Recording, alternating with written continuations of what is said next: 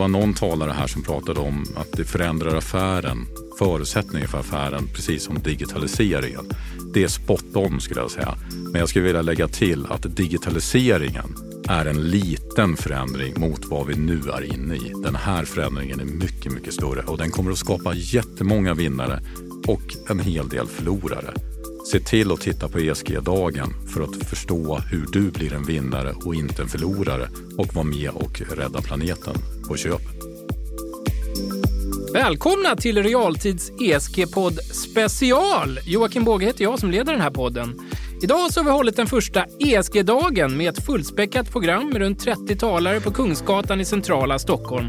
Och jag lyckades fånga en av keynote-talarna innan han försvann ut genom dörren för en snabb intervju. Så häng med! Det här vill ni inte missa. Nu kör vi!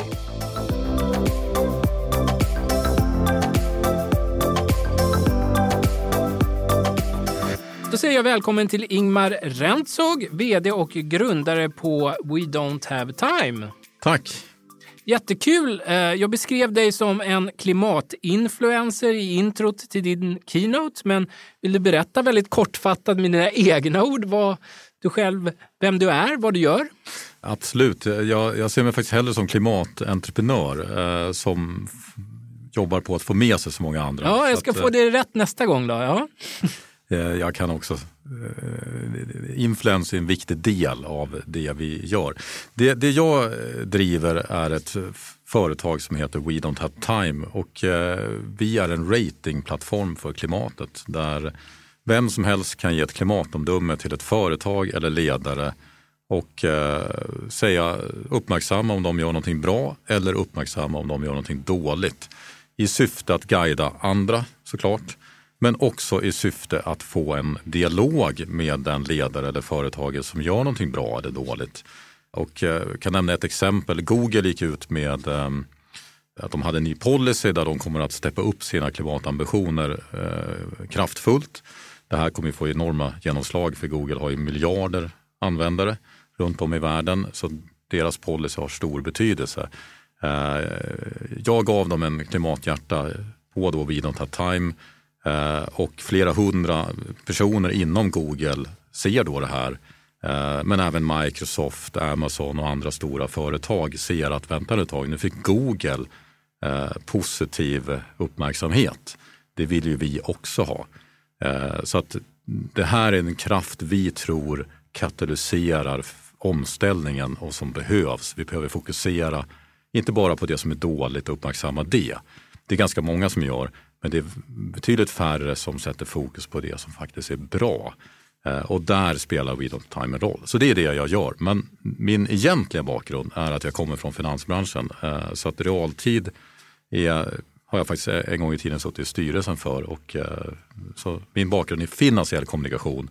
Men sen nästan fem år tillbaks så jobbar jag med klimatfrågan om kunskaper och verktyg för att kommunicera klimatet för att få till omställningen snabbare helt enkelt. Det här är ju mycket en kommunikationsutmaning.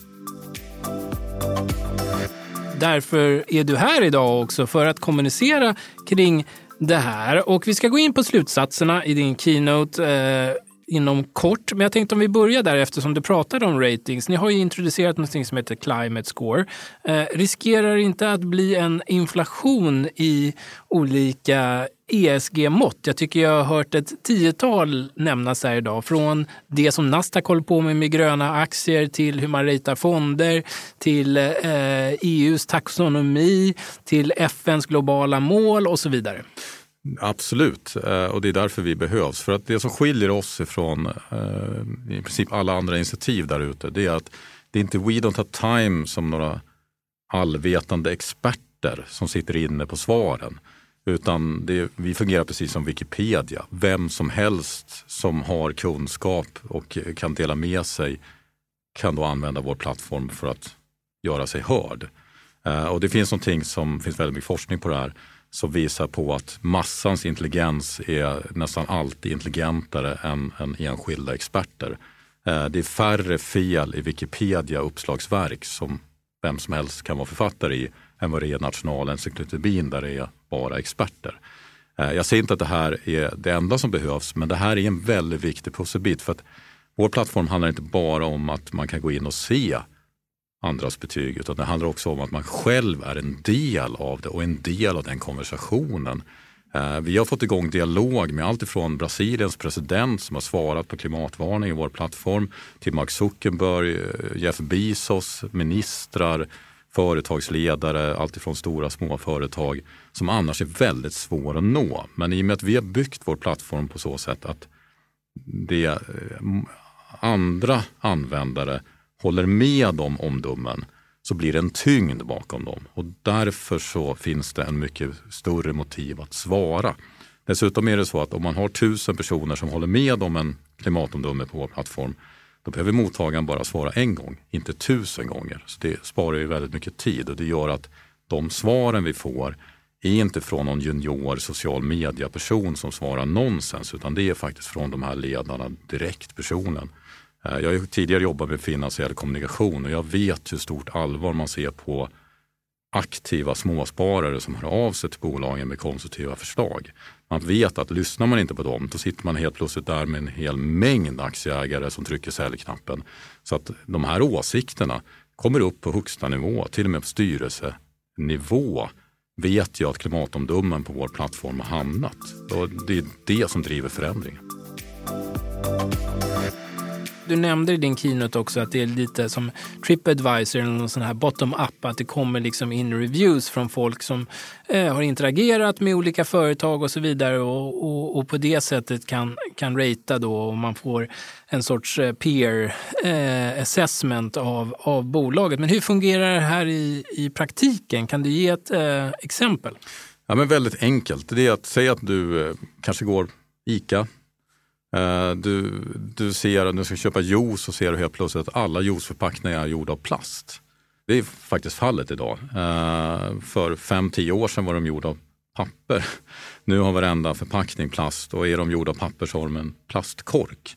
Och vi vet alla att vi behöver minska användningen av plast, inte öka det. Så vad är det som händer här egentligen? Eh, det är klart, du kan gå och prata med kassörskan om det här men hon har ingen makt att bestämma över det här eller kan inte svara på det heller. Eh, du skulle till och med kunna prata med den lokala ICA-innehavaren men han har kanske inte så mycket makt där. Det här bestäms mer på central nivå på ICA. Så det du kan göra det är att du kan uppmärksamma ICA genom att helt enkelt då skapa en, en, en varning på vår plattform. Varför har ni så mycket plast? Eh, och sen taggar du ICA och eh, du tar en bild på det här så andra användare förstår vad det handlar om. Eh, det sprids, andra användare håller med om det och eh, så fort hundra personer håller med om ett omdöme på vår plattform, då söker vi upp mottagaren och uppmuntrar dem att svara så vi får en dialog. Det här exemplet jag drog nu, det är faktiskt ett skarpt exempel och eh, där den lokala ICA-handlaren blev mäkta imponerad över att ICAs hållbarhetschef gick in och faktiskt svarade ganska detaljerat i det här. För han har själv svårt att prata med ICAs hållbarhetschef som en ICA-handlare. Så att det vi gör är att vi, vi ser till att du får makten för att vi kopplar ihop dig med andra som tycker likadant och då blir det en kraft bakom det. Men det här är viktigt. Det handlar inte bara om att uppmärksamma de här dåliga exemplen utan när du ser ett företag som gör någonting bra. Det finns massa exempel i det stora och i det lilla där ute. Då kan du ge ett klimathjärta om det här och eh, då kommer vi meddela det företaget eller den som gör det om det. Och eh, är det någonting som driver förändring så är det när man får beröm om att ja, det här var ju bra. Eh, det, det är bonussystem, allting fungerar ju så. Så att får man extern verifiering att man gör någonting bra, som ett hotell exempelvis, då får ju den personen inom den organisationen credit för det. Eh, och då får den personen realisera fler idéer och då är förmodligen det oftast ganska många bra idéer. Det här löser inte, inte de här liksom i stunden kanske eh, sparar mest koldioxid men det bygger ett engagemang och engagemanget växer som en boll vilket leder till att det blir en press på företagen att gör man någonting dåligt då får man känna av det. Då får man en dålig rating. Då får man höra talas om det. Då måste man försvara sig. Man måste tala om varför man gör dåligt ifrån sig. Men gör man någonting bra då får man konkurrensfördel eh, och då får man berömmet och alla älskar beröm. Det är en enorm drivkraft som, är, som är, används alldeles för lite när det handlar om att förändra samhället. Beröm det som är bra. Du lyssnar på Realtids ESG-podd med mig, Joakim Båge. Jag tycker det är himla intressant att du tar upp det här ICA-exemplet, för vi hade ju ICAs, en av ICAs eh, förpackningsutvecklare med oss i den senaste ESG-podden, eh, Sofia Eriksson, och hon berättade ju då bland annat om att de får in väldigt mycket frågor kring varför det är plast på ekologisk gurka. Mm. Och då sa ju hon att eh, det här är någonting som folk irriterar sig över, men när hon förklarar att har man plast på gurkan så håller den sig i genomsnitt sex dagar längre. Mm. Så att vi skulle behöva odla väldigt mycket mera gurkor och Precis. slänga bort väldigt mycket. Det har ju en svinn... Eh, variabel i det hela som folk kanske inte riktigt tänker på. Och när folk får den här informationen så utbildar de sig som konsumenter och så vidare. Och då skulle man kunna använda sig av er plattform för att Precis. se till att, att den här informationen kommer till dem och att folk förstår det. Och kanske även att andra tipsar då också om alternativ till ICA om så här skulle ni kunna göra istället. Ja, alltså det bästa exemplet för ICA är ju kanske inte att ta bort plasten utan ersätta det med en bättre, mer hållbar producerad plast och mm. biologiskt nedbrytbar. Men du har alldeles rätt, många frågor inom hållbarhet är komplexa och därför behövs det en faktabaserad dialog. Så att det ICA får reda på genom vår plattform, för exempelvis gurkexemplet, det är att de får reda på, men vänta ett tag, vi måste faktiskt informera våra kunder varför gurkan har plast på sig. Då får vi nöjdare kunder. Så det är precis det vi bidrar med. Det handlar inte bara om att man ska förändra beteendet alla gånger utan det kan också handla om att man behöver förklara varför man gör som man gör. För ibland kan hållbarhet vara tvärtom. Det vill säga att det som ser ut att vara väldigt ohållbart är faktiskt det mest hållbara alternativet jämfört med att ha då en plastfri gurka exempelvis. Mm. Det kan leda till mer utsläpp. Mm. Uh, och det är därför vi har byggt en plattform som inte handlar om name and shame utan det handlar om uh, en dialog himla intressant initiativ och jag hoppas att många går in och kollar på det som också lyssnar eh, på den här podden och, och, ser hur de kan använda den. Om du bara vill väldigt kortfattat, jag utlovade ju lyssnarna om att det här skulle vara en kort podd. Eh, du har så mycket kunskap och så mycket saker att berätta om. Men om du bara kortfattat vill sammanfatta för de som inte har tittat på eh, ESG-dagen här digitalt. Vad är slutsatserna? Vad var slutsatserna av din keynote? Ja, det som var slutsatsen av min keynote, och det jag tror också gick eh, hyfsat röd tråd genom dagen, det är att vi måste göra det lönsamt att göra rätt. Det vill säga det miljövänliga alternativet behöver vara det lönsamma alternativet och att förstöra planeten behöver vara det dyra, olönsamma alternativet. Och tyvärr är vårt samhälle byggt, eh, byggt idag på att det är precis tvärtom.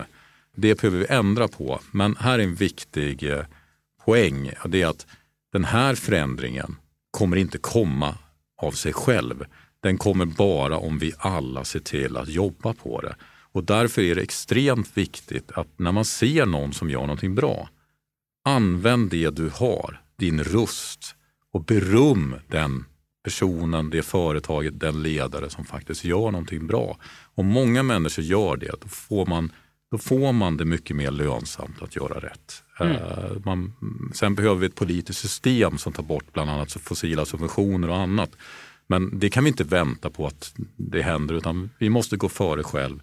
Och det vi har byggt en plattform för det är, när, en plattform där alla, oavsett vem man är, har man tillgång till mobiltelefon eller dator, går in på wedonthatime.org eller laddar ner vår app så har man den makten att faktiskt driva förändringen genom att ge beröm och göra det mer lönsamt att göra rätt och mer straffbart att göra fel. Intressant slutsats och som du säger, det var lite eh, av en röd tråd som gick genom dagen här också. Nu har ditt alarm ringt, nu ska du hämta för, på, barn på förskolan gissar jag snart. Eh, men jag, förutom din egen keynote då, du har ju varit här under dagen. Var det någonting annat som du skulle vilja tipsa om? Om folk går in och tittar på de här videorna från ESG-dagen i, i, i efterhand på Direktstudios Youtube-kanal. Vad, vad, vad, tipsar du att de ska gå in och kolla på då? Ja, men det är ju ta er tiden och, och se den här dagen. För att eh, det är en sak att se en keynote eller en panel. Eh, men när man ser alla föredrag, alla paneler eh, så får man en väldigt tydlig bild över att det händer väldigt mycket positiv förändring i samhället. Och eh, klimat och hållbarhet är inte en trend utan det är eh, det kommer att vara omvälvande. Det var någon talare här som pratade om att det förändrar affären förutsättningar för affären, precis som digitaliseringen. Det är spot on skulle jag säga. Men jag skulle vilja lägga till att digitaliseringen är en liten förändring mot vad vi nu är inne i. Den här förändringen är mycket, mycket större och den kommer att skapa jättemånga vinnare och en hel del förlorare. Se till att titta på ESG-dagen för att förstå hur du blir en vinnare och inte en förlorare och vara med och rädda planeten eh, på köpet. Mm. Det får bli slutorden för den här specialversionen av eh, podden från ESG-dagen. Tack så mycket Imar Rensog, vd och grundare för We Don't Have Time för att du var med oss här idag. Tack.